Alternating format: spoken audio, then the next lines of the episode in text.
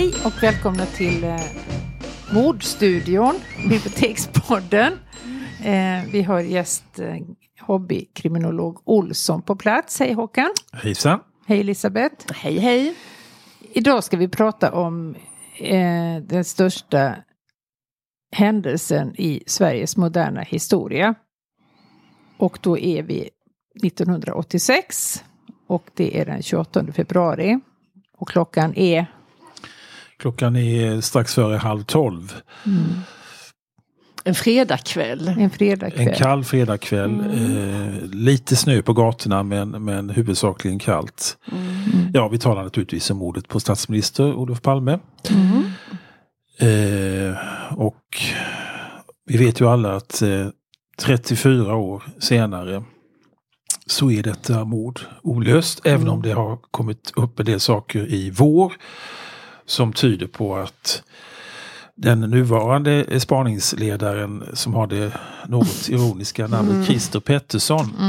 att Fast heter han inte Petersson? Jo, han har bara ett T. Ja. Mm, det är sant. Jag vill då ha det till protokollet. Ja, det kan Men det säga. blir läge för förvirring där i alla fall. Det blir förvirring, ja. Men där är ju någonting på gång nu. Vi får se. Nu har det hamnat i skuggan av coronaviruset. Men, men innan halvårsslutet så ska någon typ av lösning presenteras. Eh, avslut kanske man snart ska säga. Om, ja men ett avslut kan ju också vara att man säger att nu kan vi inte gå vidare. Ja, precis. Precis, så Så- kan det vara. Eller att man ja. säger att man, man tror att det är någon person som då är avliden och att det Ja. finns bevisning som pekar på att den här personen förmodligen har gjort det. Men där är vi inte ännu. Vi får avvakta och se. Men det här avslutet, det var liksom tvunget att nu kom, har vi kommit. Vem bestämmer att det skulle avslutas? Eh, ja, det är ju här, det är väl här, Sagde här Petersson, Petersson, ja, ja. I, tillsammans med sina medarbetare. Men, men det är klart, finns det inga spår längre och, och om man tror sig ha funnit någonting eh, det vet vi ju inte ännu. Om det Nej. skulle vara så att man exempelvis, vilket jag tycker verkar konstigt, men dock har funnit mordvapnet. Det vore det allra effektivaste. Och kan binda det till någon person Mm. levande eller förmodligen död, ja men då får man väl kanske komma fram till att då finns det någon typ av avslut. Men vi vet ju inte ännu. Ja, men varför säger man inte det direkt? Nej, det Nej, det är... Det, Är det dramaturgi där? det frågar jag mig också när detta kom fram någon gång i... Det var ju strax före minnesdagen 28, det var någon gång i februari. Jag har ställt mig den frågan också men jag vet inte. Jag vet inte. Nej. För det pekar ju åt att inte, det, att inte de har något riktigt ordentligt att komma med. För då hade de sagt det nu. Det kan man väl tycka ja. Eh, Ja, samtidigt tyckte jag han såg lite sådär liksom ut som att Nöjd? ja, mm. att jag vet något som inte ni vet. Den uppsynen. Och den, det, se, det senaste då som det skulle kunna vara, det har spekulerats om det i alla fall, det är den här eh, så kallade Skandiamannen. Eh, och, eh, det skrevs en bok om honom, det var en artikel också i tidskriften Filter, var ett par år sedan. Framför mig har jag en, en, eh, en A4-sida med litteratur, en bibliografi här om, om mordet på Olof Palme. Den här boken av av, eh, han heter Thomas Pettersson. Det heter Den osannolika mördaren. Den finns med i den här listan. För det är ett antal eh, böcker vi pratar om. Det är ett stort antal böcker. Det här som jag har framför mig är bara en, en liten del av. Mm. Ja. Du har delat upp litteraturen på något sinnrikt vis. jag har gjort det Som faktiskt. inte är liksom strikt bibliotekariemässigt. Definitivt inte och som, som brister i vetenskaplighet. Men som möjligen Ja, men kan det ändå... Ja, Ja. Eh, man kan säga att det är fyra stycken rubriker. Den ena är den första är officiella granskningar. Det har gjorts flera stycken men den som var den senaste den har den långa titeln Granskningskommissionen i anledning av utredningen av mordet på statsminister Olof Palme. SOU 1999 98. Mm. Okej. Den kan man gå till. Den får ju anses vara av, av vederhäftigt slag. Sen har jag delat in eh, litteraturen i övrigt i seriösa skildringar om och kring mordet. Halvseriösa skildringar, spekulationer, konspirationer. Och oseriösa skildringar i foliehattarnas sällskap. Så det finns en undernivå efter spekulationer. Ja, jag det- det tycker jag. Ja. Det tycker jag det det trodde man ju var det lägsta. Därför att spekulationer kan ändå ha någon grund i, i, i faktaförhållanden. Ja. Men, men när vi har den här sista kategorin då, då har vi liksom lämnat, då råder inte tyngdlagen längre utan då är vi uppe och flaxar. Och vilken avdelning är mest talrik? Alltså jag är nog rädd. I min lilla, på min A4 så är den sista delen, de oseriösa. Wow. Den är, är, minst, men så är det ju inte i real life därför att den är störst vill jag påstå. Mm. På alla, du vet, alla nätdiskussioner och så? Ja, men dessutom. Vi kanske inte har köpt in de där nej, nej, nej. hattarna. Det har vi inte gjort. Eh, och, eh, och det är ju dessutom extremt mycket diskussioner eh, som mm. pågår på, på mm. nätet. En bok mm. som och det där privatspanare, ja. det är ju nästan någonting som myntades i ja, samband med Palmemordet. Det kan man nästan säga. Det, det, det, tycks som att alla sådana stora händelser skapar privatspanare. Den, mm. Själva urhändelsen är ju mordet på John F Kennedy i november 63. Ja. Men även sådana saker som Estonia, eh, mm. Estonias undergång. Där är också mycket spekulationer och teorier kring ja. detta. Det var bomber hit och bomber dit. Mm. Eh, och så. Men en, en bok av de seriösa eh, som eh, eh tar upp just konspirationsteorierna det är Erik Åsarts Det dunkelt tänkta konspirationsteorier om morden på John F Kennedy och Olof Palme. Man kan ju hoppa Kennedy där men han mm. går igenom några av de böckerna som, som finns med här i, mm. i den här listan. Mm. Eh, och en är, ja de är i olika kategorier här så att säga. Men ingen av dem är den seriösa. Det, problemet är att de seriösa skildringarna de spekulerar ju inte utan de Nej. handlar liksom om fakta, vad hände? Vittnesskildringar. Eh, ja, eh, så. Men du, kan vi inte dra det här? Vad är det vi vet om händelsen, mordet? Ja, egentligen vet vi inte mer än att eh, statsministern sköts då vid halv tolv-tiden 28 februari. Eh, det finns ett antal vittnesmål. På, han hade varit på bio. Han var på bio. Sett, sett Bröderna Mozart, ja, en underbar film. Ja. Ja.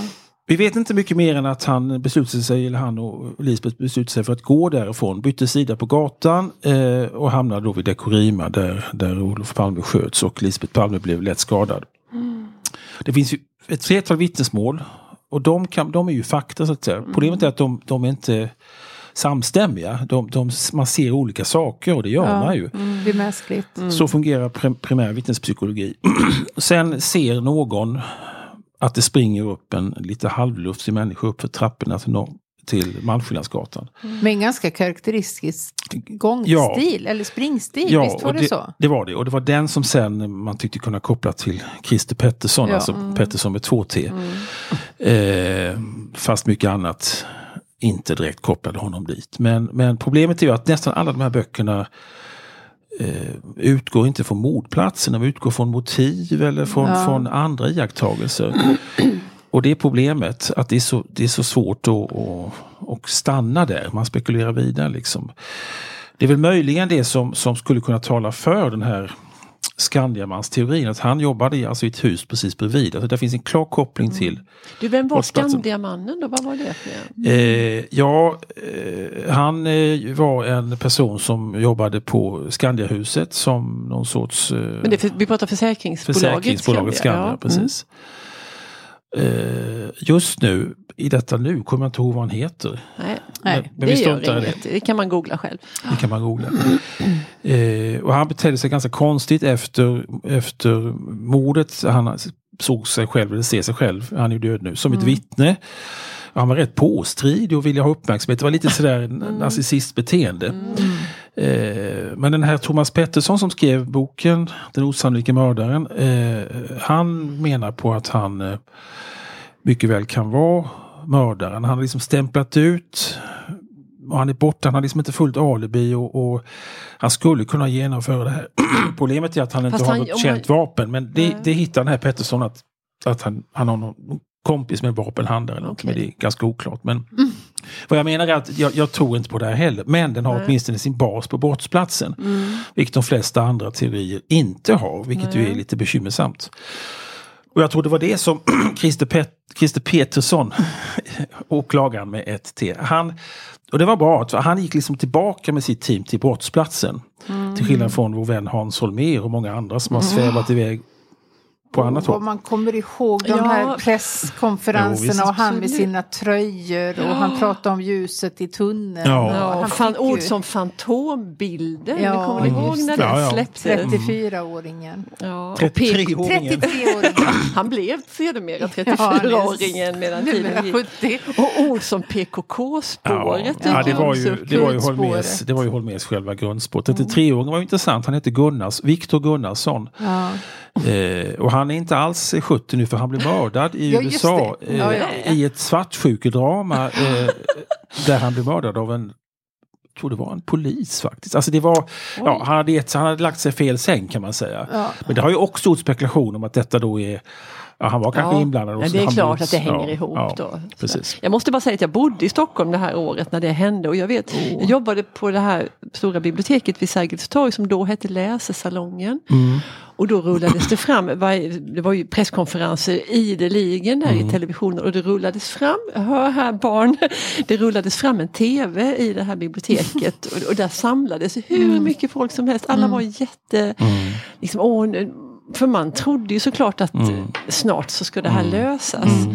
Eh, och den här fantombilden skulle ut. Och så här. Det var väldigt, det var kan- otroligt sorgligt. Men Ja. det fanns också Ja. att jag var där mitt i alltihopa. Ja. Alltså fantombilder är ju djupt problematiska. Man brukar ju tveka innan man, innan man sänder ut något sånt. Därför att då, då sätter man ju fast en, en, en bild på människornas näthinne. Så att det där var ju olyckligt. Därför att det är förmodligen någon annan person som är tecknad. Ja. Eh, Med stor sannolikhet har det ingenting med vardagen att göra. Då är man ju liksom borta. Men sen grep man ju ändå ganska snart en person. Ja. Eller hur långt efteråt Ja, var det var, inte som- förrän, det var inte förrän eh, hösten 1988. Men det var ju okej. Ja, det var men det var det, förs- det första gripandet. Ja, det var det ju. Och det var ju Christer Pettersson då, en, en, eh, en missbrukare, narkoman, alkoholist, lodare. Eh, som- Våldsman får Ja man visst, ju också han var ju säga. dömd för ett dråp. Han hade skurit. Oj. Bajonett. Ja, precis. På mord. Stockholmsgatan någonstans. Så att han var ju en våldsam person. Dock inte någon känd koppling till vapen. Eh, men man kunde ju konstatera att han hade varit i, i centrum den dagen och det fanns spekulation om att han hade genomfört narkotikaaffärer med eh, någon som heter Sigge Cedergren. Ja, just det. Och att det var därför han skulle ha kunnat fått en revolver. Och sen vi, Hade han kända Palme-aversion? Nej, det påstår han själv att han inte hade. Eh, men det fanns ju de som påstod att han hade det. Men det är väldigt oklart egentligen. Och det ska ju inte ligga till grund för, Nej. för åtal. Ursäkta mig. Eh, men eh, det är klart att sen, sen bedrev åklagaren tunnelseende eh, och, och tittade på det som passade in och glömde det som inte passade in. Och då var det han som skulle ha stått och stirrat på in på biografen. När filmen pågick, han skulle ha gått efter dem på gatan. Det var någon korvkiosksgubbe där som kunde svagt identifiera honom. Ja, och sen skulle han då skjuta. Och Det var det inte också någonting med att Lisbeth, fick, Lisbeth Palme fick se bilderna Jo. på Christer? Det var väl Ja. något sjabbel där, ja, det var minst ett, sagt. ett, ja, det var ett katastrofalt sjabbel. Men vi får ju inte glömma att hon, han, hon pekade ju ut Christer Ja, Pettersson. Det var väl och det- efter att hon hade sett bilder på honom i... Ja, ja, det var en, konfront- det var en Ja. vittneskonfrontation. Eh, och eh, hon har inte sett bild på honom men hon hade fått höra innan att, eh, Aha. Att han var alkoholist. att han var alkoholist. Ja. Ja. Och tittar man på den eh, här Ja. liksom gruppfotografiet så ser man väldigt tydligt att det är en som avviker. Ja. Och det är då Jo, i klädsel och i Ja. allting avviker han Det var ju, väldigt men- snabbt. Resten var ju poliser som Ja. kunde se något så lika ut. Men eh, De stod där i sina så det var och sen så var det dålig dokumentation. Det var liksom ingen videoinspelning. Hon ville inte ha det. Och, ja, det blev inte bra. Eh, men visst, det, detta var det tyngsta. Det klart kan man... Och hon, har ju, hon backar ju aldrig ifrån det nej, heller. hon har inte backat ifrån det. Nej. Nej. Eh, Så att han blev ju dömd i, eh, i tingsrätten men eh, friad i hovrätten.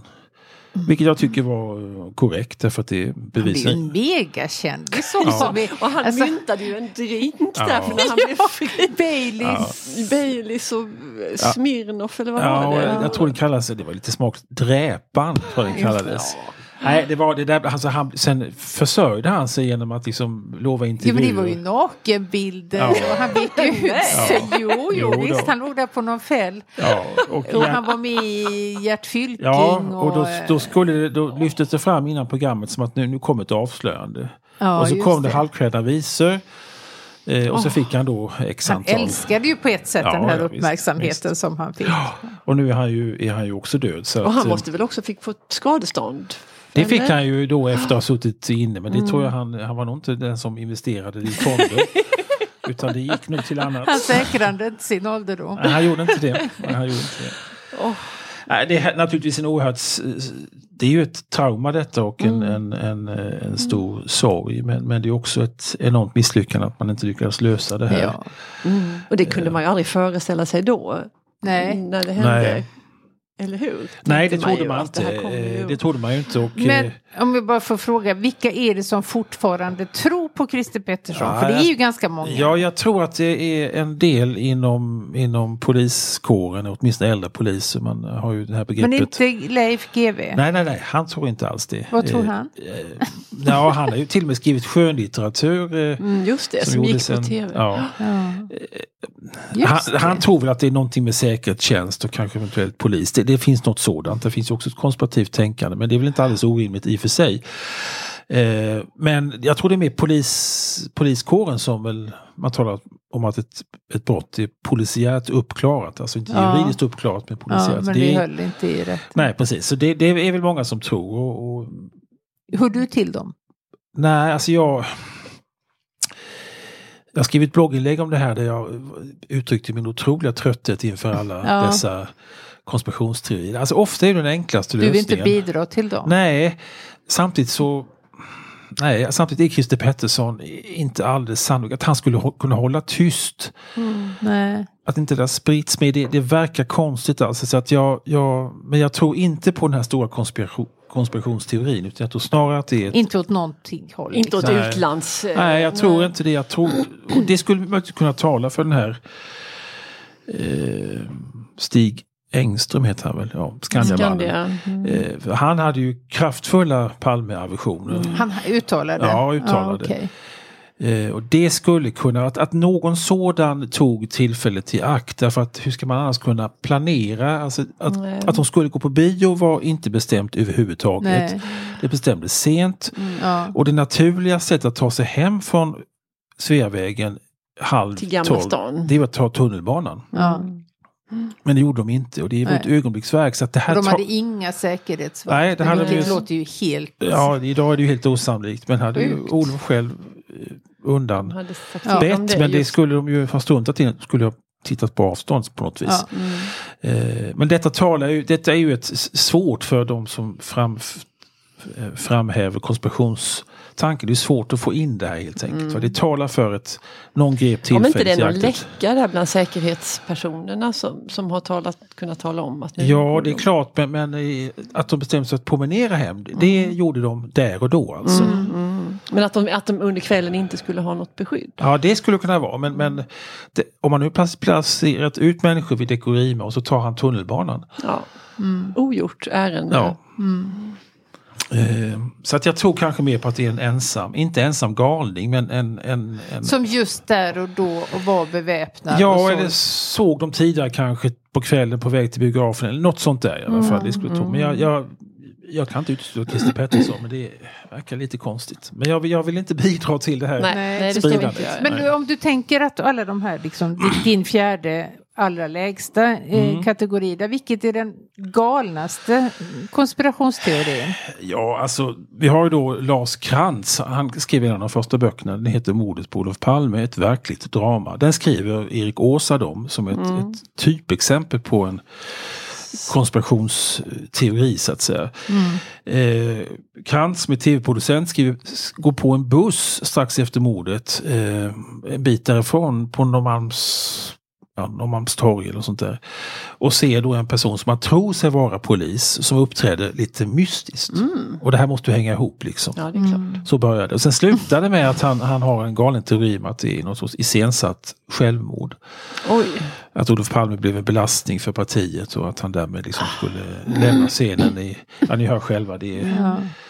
Det kanske man inte gör när det är 10 minusgrader kallt den 28 februari. Nej, det är helt Med galet. sin fru vid Nej, sidan där. nej. Nej. Nej. Nej. Eh, och det finns andra, Sven Anér, en gammal journalist, han skrev Ja. tidigare på Dagens Nyheter, han gick Mm. helt bort sig. Han började något sådär hyggligt med polisbrott och sen så är det affären Chamonix, Palmegåtan mot sin lösning, kom 1992. Då har han någon teori Vad sa att du allra först den hette?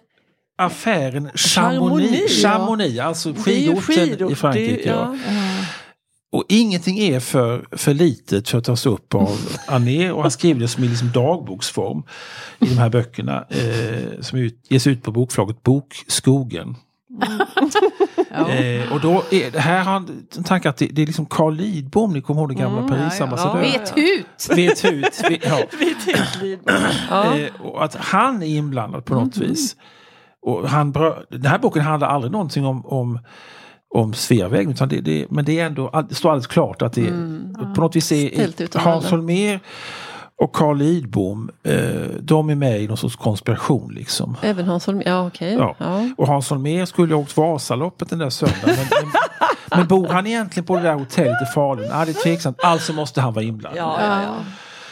Hjälp. Men även tyvärr då Lars Borgnäs som ju är en i övrigt seriös journalist och som skrivit en av de böckerna som jag har med i den här halvseriösa eh, varianten. Han kom med en bok alldeles nyligen eh, som heter Olof Palmes sista steg i sällskap med en mördare. Och där torgför han teorin att, att eh, offret var eller tilltänkta offret var alltså Lisbeth Mhm. Palme och inte Olof Palme. För Why? att... Ja, det, nej. Alltså Nej. det det är så mycket sånt här som, som vänds ut och in och, och det är en, Lena Andersson, det är en skribent, Mm. hennes mötesteori, det är lite grann som Lars Krantz, att det är Olof Palme har stämt möte med någon som Mhm. då passar på att skjuta honom och förmodligen så vill han då kanske också bli skjuten. Ja, Har Lena ja Andersson hon har, in, också, varit ja, inne hon på har gett detta? sig in på detta. Hon skriver förordet till den här Lars Borgnäs bok, Oj. Olof Palmes sista steg. Mm. Det är en det är en, en, eh, Mischmasch. ja det är en kvicksands, det är som att gå på kvicksand att ta sig fram i de här skildringarna. Det finns så många. Det påminner mig om en historia som en god vän berättade. Eh, det fanns en man i Lund som ett antal år efter mordet gick med en stor skylt där det stod ungefär så här. Om vi tänker nu att personen som utpekas heter Stig Johansson. Eh, Och detta var en, en identifierbar person. Mm. Han gick med en skylt på Lunds gator och höll upp skylten där det stod Stig Johansson mördade Olof Palme. Okej. Det som jag hade gått omkring med en skylt där det stod Jeanette Malm mördade. Ja. Eh, Och det är ju, Men det måste ju vara förtal. ja det var det ju också, han blev väl, men det var klart det var jobbigt för den här Stig Johansson. Ja, det Ja. är klart.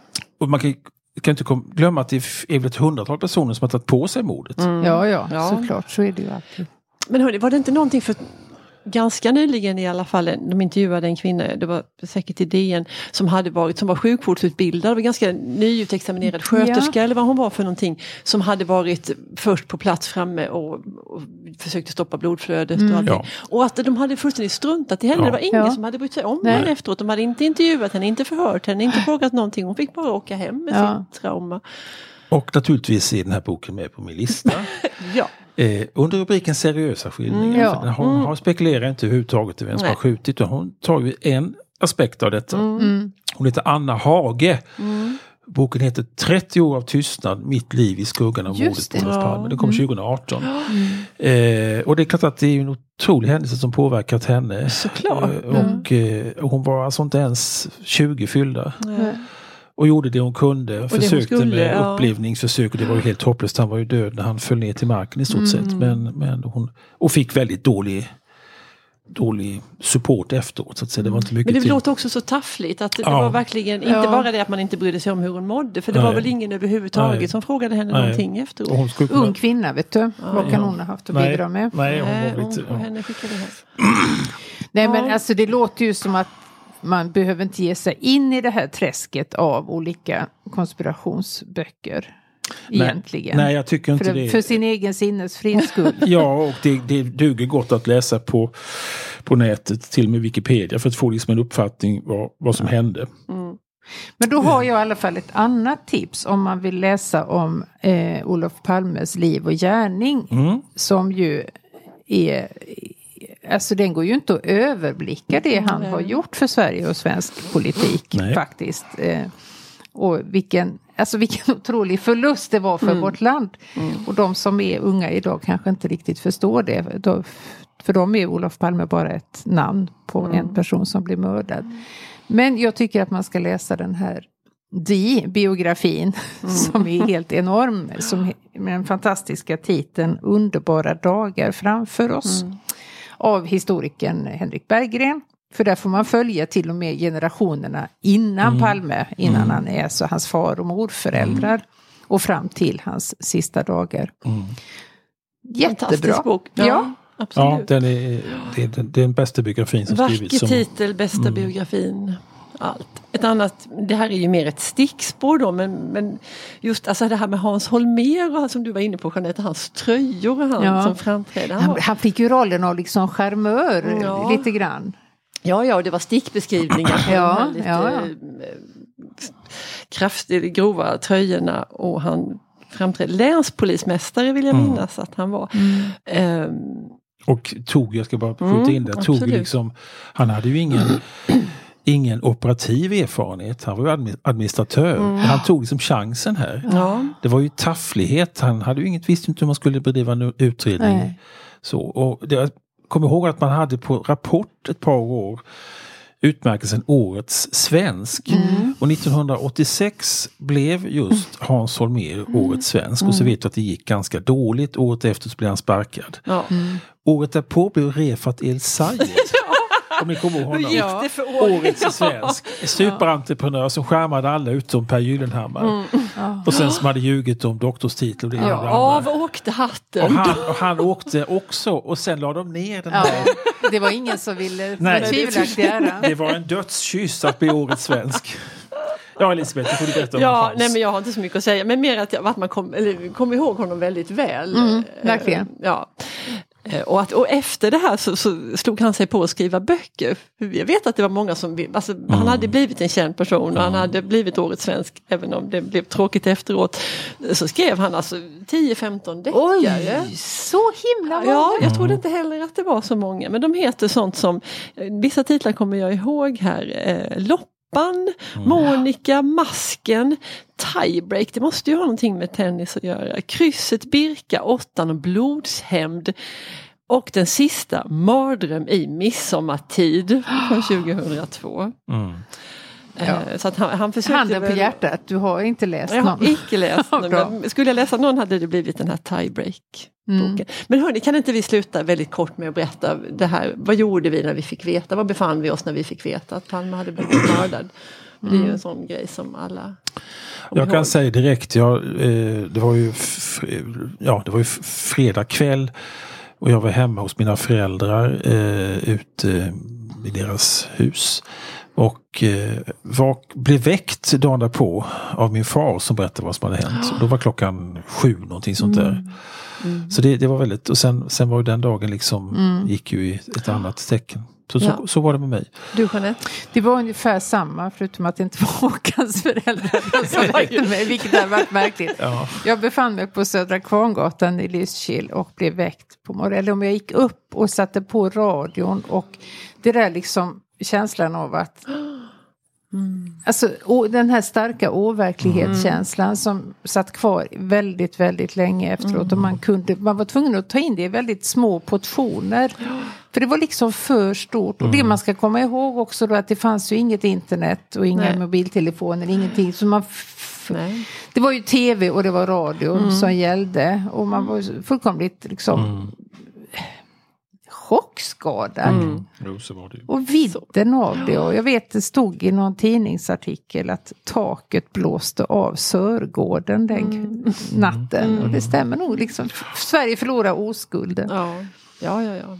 Elisabeth? Nej, men jag befann mig på Attebomsvägen i Fredhäll i Stockholm. Vilket Mm. vackert, det var ett annat namn än... Ja, det var en av mina finare adresser. Ja. Eh, och jag var ensam där och satte på tvn på morgonen för då, det brukade vara någon sån här tv-underhållning då på eh, med lite nyheter och lite skojsan och sådär tänkte jag. Men det, jag var ledig då och satte på tvn och det var ju något helt annat än den här vanliga lördags. Det hette något sånt där Godmorgon Sverige eller något. Ja skitsamma.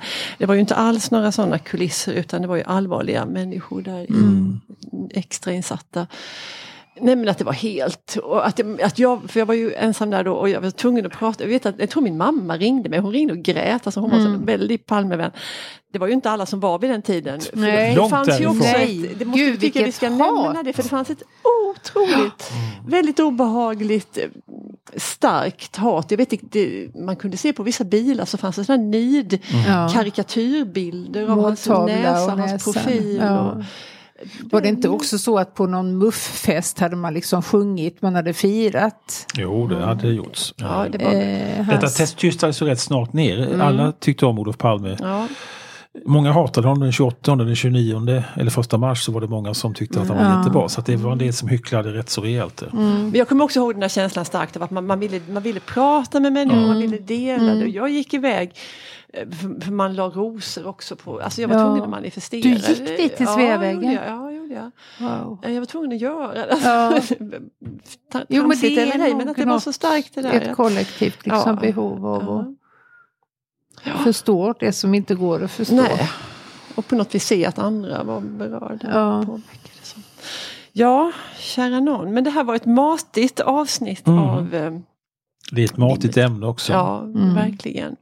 Men vi tackar vår kriminolog Håkan Olsson för ditt bidrag idag och vi kommer säkert att fråga dig om du vill vara med fler gånger. Men Tusen tack. Ja, tack. Tack. Hej då!